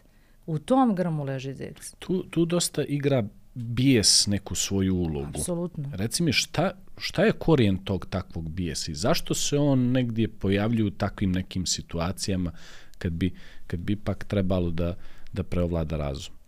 E, nama je jako teško da ne budemo u pravu. Prvo to moramo da znamo, jer a, ako ja iznesem svoju verziju realnosti događaja, kako sam ja nešto videla i doživela, koja se ne slaže s tome, ako ti kažem nisi ti u pravu, ja sam u pravu, ja suštinski time impliciram da ti a, ne znaš da pravilno procenjuješ stvari, da ja sam verovatno pametniji od tebe, da ti ne umeš da razmišljaš, jer je moja verzija događaja istinita, jedina ispravna.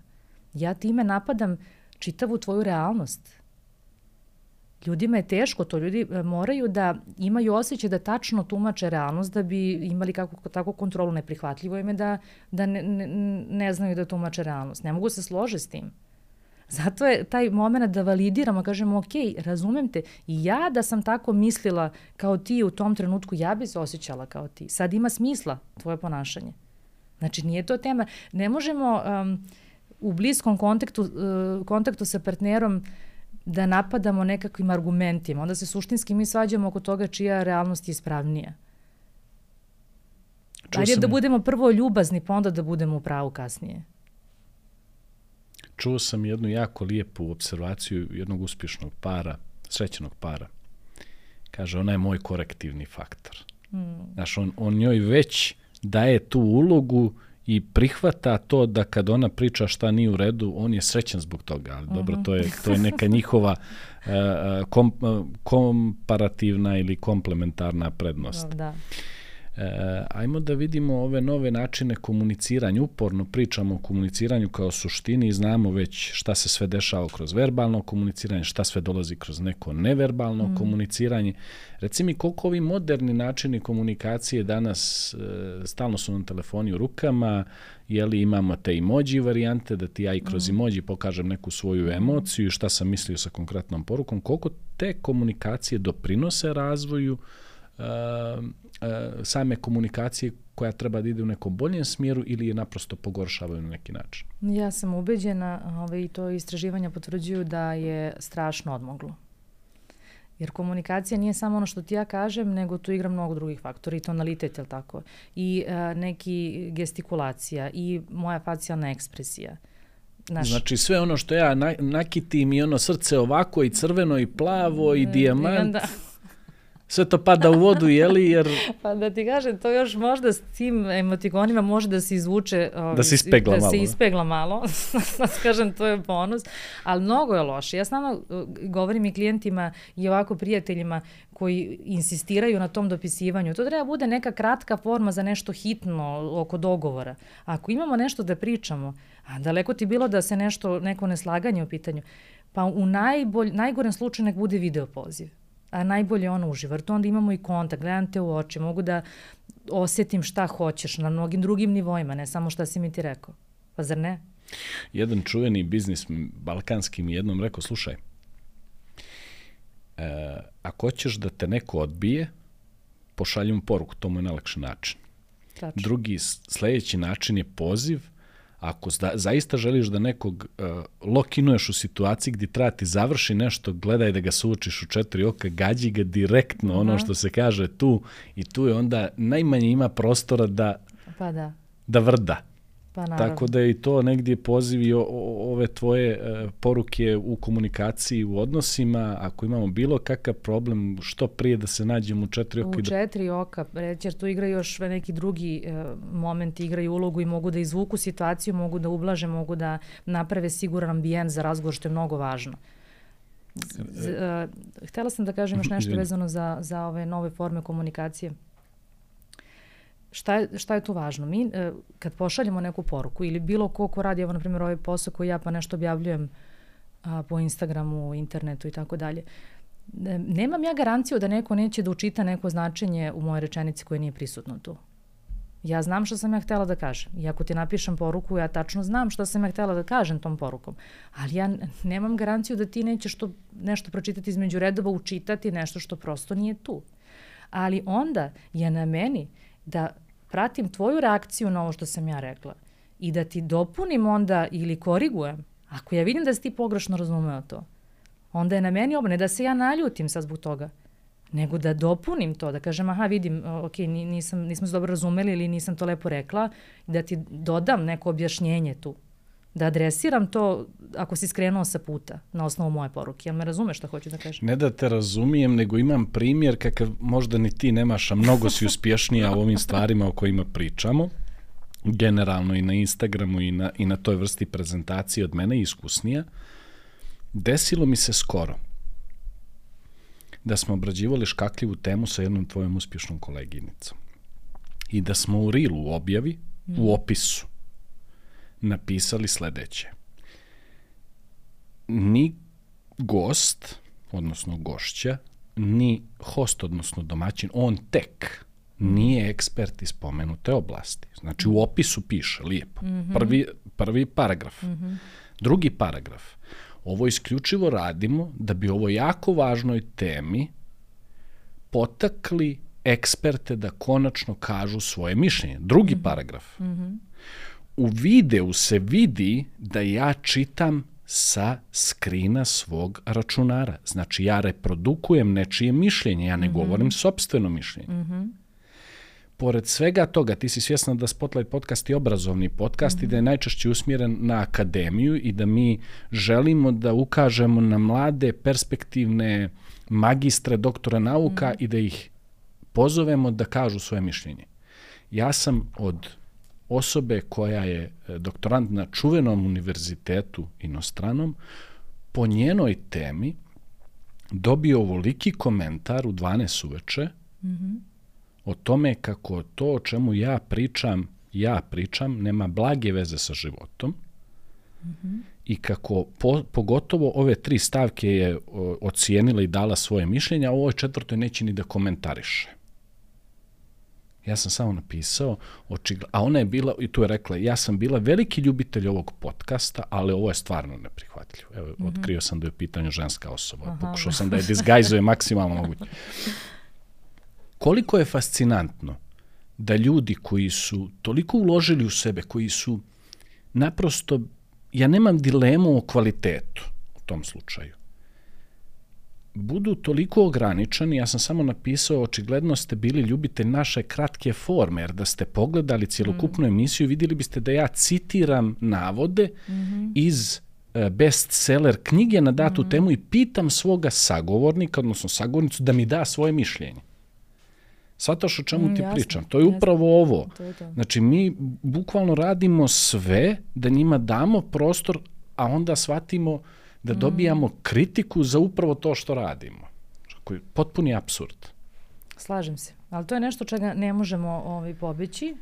Da ne pričam ovi koji su tastatura ratnici ili kao kaže Aha. divna tastatura mafije koji su naprosto tu da zamjeraju sve da što da je pod plavim nebom. To nećemo ulaziti. to im je posao. To im je posao, neka ih ljudi rade svoj posao. Šta ćemo sad? E, uf, bližimo se kraju, ajde da pokrijemo još par nekih tema, onako za rilove što bi se reklo. Mm -hmm manipulacije u partnerskim odnosima i kako kako je na neki način prepoznati. Mm -hmm. Stalno pričamo o toj manipulaciji. Jeste. Mene su oprali s razlogom u jednom podcastu, rekao sam da su u partnerskom odnosu žene prepoznatljivije da koriste određene vrste manipulacije. Ja se izvinjavam Aha. ovim putem uh, svim ženama, nije mi to bila intencija, jesam rekao. Aha. Šta je neko tvoje iskustvo? Ne, mogu da objasnim ovo zašto je to tako, uh, zašto se manipulativnost uh, pripisuje da je to klasična ženska osobina. Istorijski gledano, muškarci su ti koji su bili fizički jači, kasnije i moćniji, obrazovani i tako dalje, ali pre svega fizičko, fizički jači. I oni nisu imali potrebe da koriste bilo kakve tehnike ali manipulacije, nego lupi šakom o sto, žena se povuče i to je to po njegovome. Dok su žene morale da razvijaju neke druge da kažem, kapacitete da bi uspele da dođu do nečega. Do onoga što hoće na neki drugačiji da kažemo. sapunice su nam pune tih primjera tako da ovaj da. i intrige i manipulacije kad kad gledamo sa tog aspekta ono na dvoru. Da Ali e, to što se pripisuje, to da je to tradicionalno ženska osobina, to nema veze sa životom. Prosto manipulator imamo mnogo u biznis svetu i dominantno su muškarci, ajde da kažem tako. Nema, nema dominantno, zaboravi to. I to pripada i jednima i drugima. Nema tu sad distribucije po polu, ovi su više, oni su manje. U svakom slučaju, manipulacija se prepoznaje tako što se ne osjećate uh, dobro u nekom odnosu, u smislu da na neki način uvatite sebe da ste uh, u, u, u navedeni da radite neke stvari, da pristajete na nešto, nije vam jasno ni samima zašto, ali to je na, na kraju na vašu štetu. Ne znam da li si me razumio. Jesam potpunosti. A, to su e, takve igranke umeju da budu i psihološke a, zamke, ubacivanje krivice u osobu, zastrašivanje, emotivno ucenjivanje, um, sriza, srozavanje slike, znači sistematsko ubijanje nečeg samopouzdanja, da. samopoštovanja, polako, polako odvajanje osobe od prijatelja, od karijere, od svega, dok ne postane u nekom zavisnom položaju, a osjeća se nemoćno da ošte izađe odatle. Dakle, sad pričamo o nekom ekstremu kad bi se to razvilo, ali svako od nas može da pogleda na početak a, kako se osjeća nakon a, boravka sa nekom osobom. Da li se osjeća poletno, razigrano, motivisano, inspirisano, zadovoljno. Ili utučeno. Ili neutralno, i to je mm, nekad okay, okay. Opcija, da. da kao opcija. Ili je potpuno iscrpljeno, bez energije i tako dalje, ubijeno u pojam. Znači to je to prvi, to čak ne mora znači da se radi o manipulaciji, prosto pričamo o tome da taj neko nije okay za nas, jednostavno i tačka. Naročito ako se s drugim ljudima, ako se ja osjećam sa svakim uh, u komunikaciji iscrpljeno, onda je možda mene. Ali ako sam generalno drugačija, imam ljude oko sebe koji umeju da me napune energijom, ko uzmu i da me motivišu, da mi daju to nešto, a baš sa jednom osobom sam uvek iscrpljena i nikakva, onda je možda do tog odnosa ili do te osobe. Šta ćemo sa onim malim, onim neprimjetnim, bijelim manipulacijama, Ne. kao bijelim lažima, znaš, ono toku dana koje se dešavaju, znaš. Ne znam, nemam pojma, sad mi ne pada ništa na pamet, ali se svakodnevno se dešava, na primjer, ne znam, ja, ja sam riješio da da napravim neku promjenu da bi nam Mhm. u odnosu bilo bolje i rešio sam se vratim da treniram recimo. I prva ženska reakcija zato što se malo osjeća ugrožena će bila će biti ono kao neće baš biti predobro došla ta tvoja ideja, nego će biti ono malo bre, šta će ti to, znaš, ma kakvi bre, provedi vrijeme sa mnom, treba nam kvalitetno A to vrijeme možda zajedno. nije manipulacija. Pa to je onako, te, zato ja zovem bijela, kao bijele Ja. laži. Ono, ja te slažem da bi se ti ljepše osjećala. A, moram ti kažem da imam iz iskustva da žene često pokušavaju da motivišu svoje muškarce da vežbi. Dobro, možda je nespretan, možda je nespretan primjer, Da, ali, da, da, ali šalim. postoje na dnevnom nivou te neke vrste ajde možda, možda sad i ja malo tu fantaziram, ali, ali postoje neke male manipulacice koje se stalno dešavaju i stalno nešto pokušavamo jedni drugima da obezbedimo neku bolju poziciju, pa čak i ako to mora znači ko će bati smeće Pa, ili izvede dobro, psa. ne, mo- možda se radi o nekim nesvesnim, da kažem, manipulacijama. Da je baš bila manipulacija, mora osoba da je, koja manipuliše da je svesna tačno šta radi i zašto radi sa kojim ciljem. Da, neće da baci smeće, neće da izvede Da. psa. Da. Da. Da, da. Ok, dobro. E, mislim da smo tu ovaj e, to oko manipulacije zaokružili. E, različite uloge i načini odrastajanja, da, to smo se dotakli, to jesmo. smo prešli, naprosto objasnili smo da, Mm. da, da su tu muškarci na neki način najčešće onako malo u nezavidnom položaju se tiče em- emocija i e, talenta za emocionalnu inteligenciju, na šta žene, muškarci najčešće se žale u odnosu. To je onako što sam zapisao. O, to je onako i vezano za jedan moment u kome se mi nalazimo, jeli, s- tri od deset brakova u Srbiji opstaje, Mm. konstantno svi imamo određene e, razloge Mm. I ti si neko ko ima zaista bogato iskustvo u praksi, možeš da mi kažeš šta su neki ključni razlozi koji su problematični za ženu, šta su oni koji su problematični za muškarca i da li oni imaju neki dodirni tačak kad gledamo ovako nešto globalno, jel? Nešto globalno, da kažemo, da ne može se to tako baš ovi, svrstati u jednu rečenicu, ali da kažem da najčešće se žene žale e, na nedovoljno kvalitetnog vremena provedenog, nedovoljnog fokusa na a, bliskost, na intimnost, na a, obavljanje nekih zajedničkih smislenih aktivnosti. Prosto potreba da imaju bolju konekciju sa svojim partnerom, dok su muškarci više praktični, ne obraćaju pažnju na takve stvari i uglavnom se žale na konstantni kriticizam svojih partnerki, um, kako zvocaju, kako su stalno nezadovoljni i tako dalje. I onda ispadne kako su, eto, kao žene veći problem, a u stvari oni ne menjaju ništa. Žena uputi zamerku, ove iskulira i nastavi da radi isto i onda ona ide za njim i priča. I onda ispade kako eto, su žene više kritikujuće, a ovi, snašle su muškarci, oni se žele. Sad, pre, preterujem malo i pojednostavljujem, ali eto kad se me pita šta je, uglavnom je, a, to uglavnom je problem u nedostatku komunikacije, u nespretnom načinu izražavanja svog nezadovoljstva. Pričali smo o tome, način na koji ulećemo u konflikte ili bežimo od njih, nijedno ni drugo nije dobro, treba naći neku meru svemu tome. Jasno. I e, mogu da kažem da je ono često što, što srećemo u praksi e, da je seks veliki problem. Uh -huh. E, u principu neujednačeni libido, e, žene zadovoljavaju druge psihološke potrebe seksom u odnosu na muškarce. Jako Njima važno treba, da jako važno, tako je. I nekako žele možda da bude više obraćeno pažnje na njih, da budu zavedene, da im taj seks bude ponuđen, a ne zahtevan od njih i da ne bude tako odrađen e, nakon, ne znam, celog dana ignorisanja, ćutanja ili razmenjene dve poruke e, šta je za ručak i tako dalje. Dakle, očekuju to više i onda ih prosto to uvredi ili jednostavno ne žele da pristanu na takav odnos, dok muškarcima to uopšte nije jasno o čemu se to radi, imam potrebu, ja ima ona, to je, zajedno smo najnormalnije da ćemo, da će se to desiti, da ćemo, da ćemo to uraditi. Ali e, gde to onda vodi? Ako ona žena koja ima potrebu da ima bliskost, kontakt, da se pomazi, da se ušuška, nema nužno potrebu za seksom, želi samo malo nežnosti, priđe svom muškarcu, on to shvati kao otvoreni poziv za seks i napadne je seksualno, što se na kraju onda uh, razvije u potpunu svađu i raspravu o tome Šta je bio motiv? i- šta je i tako dalje. Onda ona prestaje i da dolazi po tu nežnost kod njega, nego će doći samo onda kad je raspoložena za seks. I gubi se ta bliskost, gubi se ta intimnost, gubi se to ušuškavanje. Zato što ona beži jer smatra da će ovaj napasti što i hoće, verovatno iskustvo je pokazalo. I onda ona beži od njega i onda on u nekoj ulozi progonitelj osjeća se odbijeno i onda i on nezadovoljan, to mu udara na razne aspekte kad ga njegova žena ovaj, odbije. To je yes. zapravo vrlo česta uh, tema i za partnerskoj terapiji i, i za neku e, dužu i širu elaboraciju. Da, Ajde da. nekako na, imam utisak da smo, ne volim da mhm. završimo mm. nekom negativnom mm -hmm. a, a, tendencijom, nego da postavim neko fino pitanje za kraj. Koje su to zaista komponente uspješnog braka? I kako, kako mi da kultivišemo taj neki e, e, moment u kome želimo da zaista taj naš odnos uspije? Elementi su definitivno prvo, prvo, prvo osnovno poštovanje. Moramo poštovati ali moram da kažem i samo poštovanje. Poštovati i voliti sebe da bismo mogli da poštujemo i volimo drugog.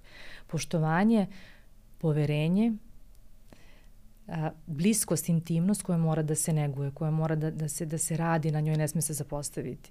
To je ono da pričamo, da postavljamo jedan drugom dobre pitanja. Ne samo ona e, kako je bilo na poslu, dobro, e, šta radi Pera, si da, to su servisna pitanja i informacije. Nego dobra, duboka pitanja koje će nas zapravo više zbližiti i povezati. Mora da se neguje taj um, za dugotrajno uspešan, da, da kažemo, ono, kvalitetan odnos, da se neguje taj aspekt, aspekt erotike i, i seksualni moment, jer tendencija je da to prolazi, repetitivnost dnevnog života nas udaljava. Dakle, to su stvari koje se moraju negovati. A, a, kvalitetni, dakle, razgovori, otvorena komunikacija, a, provođenje kvalitetnog vremena zajedno, učestvovanje u zajedničkim poduhvatima, u zajedničkim aktivnostima, a, proveravanje stalno sa onim drugim, da li smo a, na istoj strani, da li ti je okej, okay, jel idemo u dobrom pravcu zajedno. Jer ako hoćemo da to nešto bude dugotrajno, a, a da ne bude dosadno ili da nas ta dosada ne smori da ne odemo, mi moramo da nađemo način da istražujemo unutar tog odnosa, da rastemo zajedno na neke druge načine, kako da kažemo da smo opet tu, da ne bi izašli iz tog odnosa i potražili sreću na nekoj drugoj strani. Super, ja, ja se nadam da smo zadržali pažnju do samog kraja, ovako na samom kraju bih negdje, jer nekako uvijek na početku to nespretno uradim, a zaista želim da, da to ispotenciram. Negdje ko mi je bio gost, odnosno gošće u ovom slučaju, ovaj, reci mi e, šta je Beautiful Minds J&D, e, ti to radiš sa svojim kolegom, Jeste, radite jako uspješno, David Ramadani, pozdrav Tako. E, ovom prilikom, može malo da mi kažeš ovaj koji su to konkretni proizvodi koji su izašli iz te neke vaše kuhinje Aha. tu postoji knjiga uh, vodič vladaj svojim emocijama Tako koji je. se bavi uh, uopšte emocijama ne samo u partnerskim odnosima emocionalnom inteligencijom emocionalnom to je vodič za uh, emocionalnu inteligenciju koji je uh, uh, napisan tako da bude jednostavan za upotrebu lako razumljiv i uh, da pomogne u obradi, hendlovanju, da kažem, uh, negativnih emocija koje nam se javljaju. E, kao ni jedan e, vodič tog tipa ili alat ne može biti zamena za psihoterapiju, tako da uvek je poziv ukoliko neko se osjeća preplavljeno, zaglavljeno, e, da potraži zaista pomoć u smislu psihoterapije. Ali kao jedna dopuna ili za ljude koji su, koji su relativno okej okay koji imaju tu, da, da kažem, probleme svakodnevne, pa malo zapnu, da to nije na nekom nivou da je već u, u vidu poremeća bilo kog, anksioznosti, depresivnog poremeća, tako dalje, je jako dobar alat. Dobar je alat za jednu mentalnu higijenu, za zapravo razvijanje emocionalne inteligencije, koja će nam pomoći svakako u svim aspektima života, a naročito u interpersonalnim Zato je to dobro i za partnerski odnos, i za odnos sa kolegom, i za odnos sa decom, i sa prijateljima i tako dalje. Tu postoji nekih društvenih igara? I ima jako dobra, zanimljiva društvena igra koja je, eto, ako nema, nemate ideju koja pitanja da postavljate partneru ili prijateljima, tu se može dobiti baš pregrž dobrih ideja, zanimljivih ideja koje možete postaviti ne samo partneru, nego prijateljima, čak i ljudima koje upoznamo, novim, ali najvažnije sebi samima. U, to je jedan divan način da upoznamo nove ljude i jest. da čujemo šta oni misle po nekim raznim jest, pitanjima. Jeste, Znaš kako kažu, uh, ono, mali ljudi pričaju o drugim ljudima, uh, srednji o uh, događajima, a veliki ljudi o idejama. Eto tako je. Da. Jedan sjajan način da završimo ovo druženje. Jelena, puno ti hvala na gostovanju Spotlight podcastu, puno ti hvala što si izdvojila svoje dragocijeno vrijeme. Ja sam zaista uživao u, u ovom razgovoru. Takođe, hvala tebi puno na ovoj prilici i divno mi je bilo. Hvala još jednom.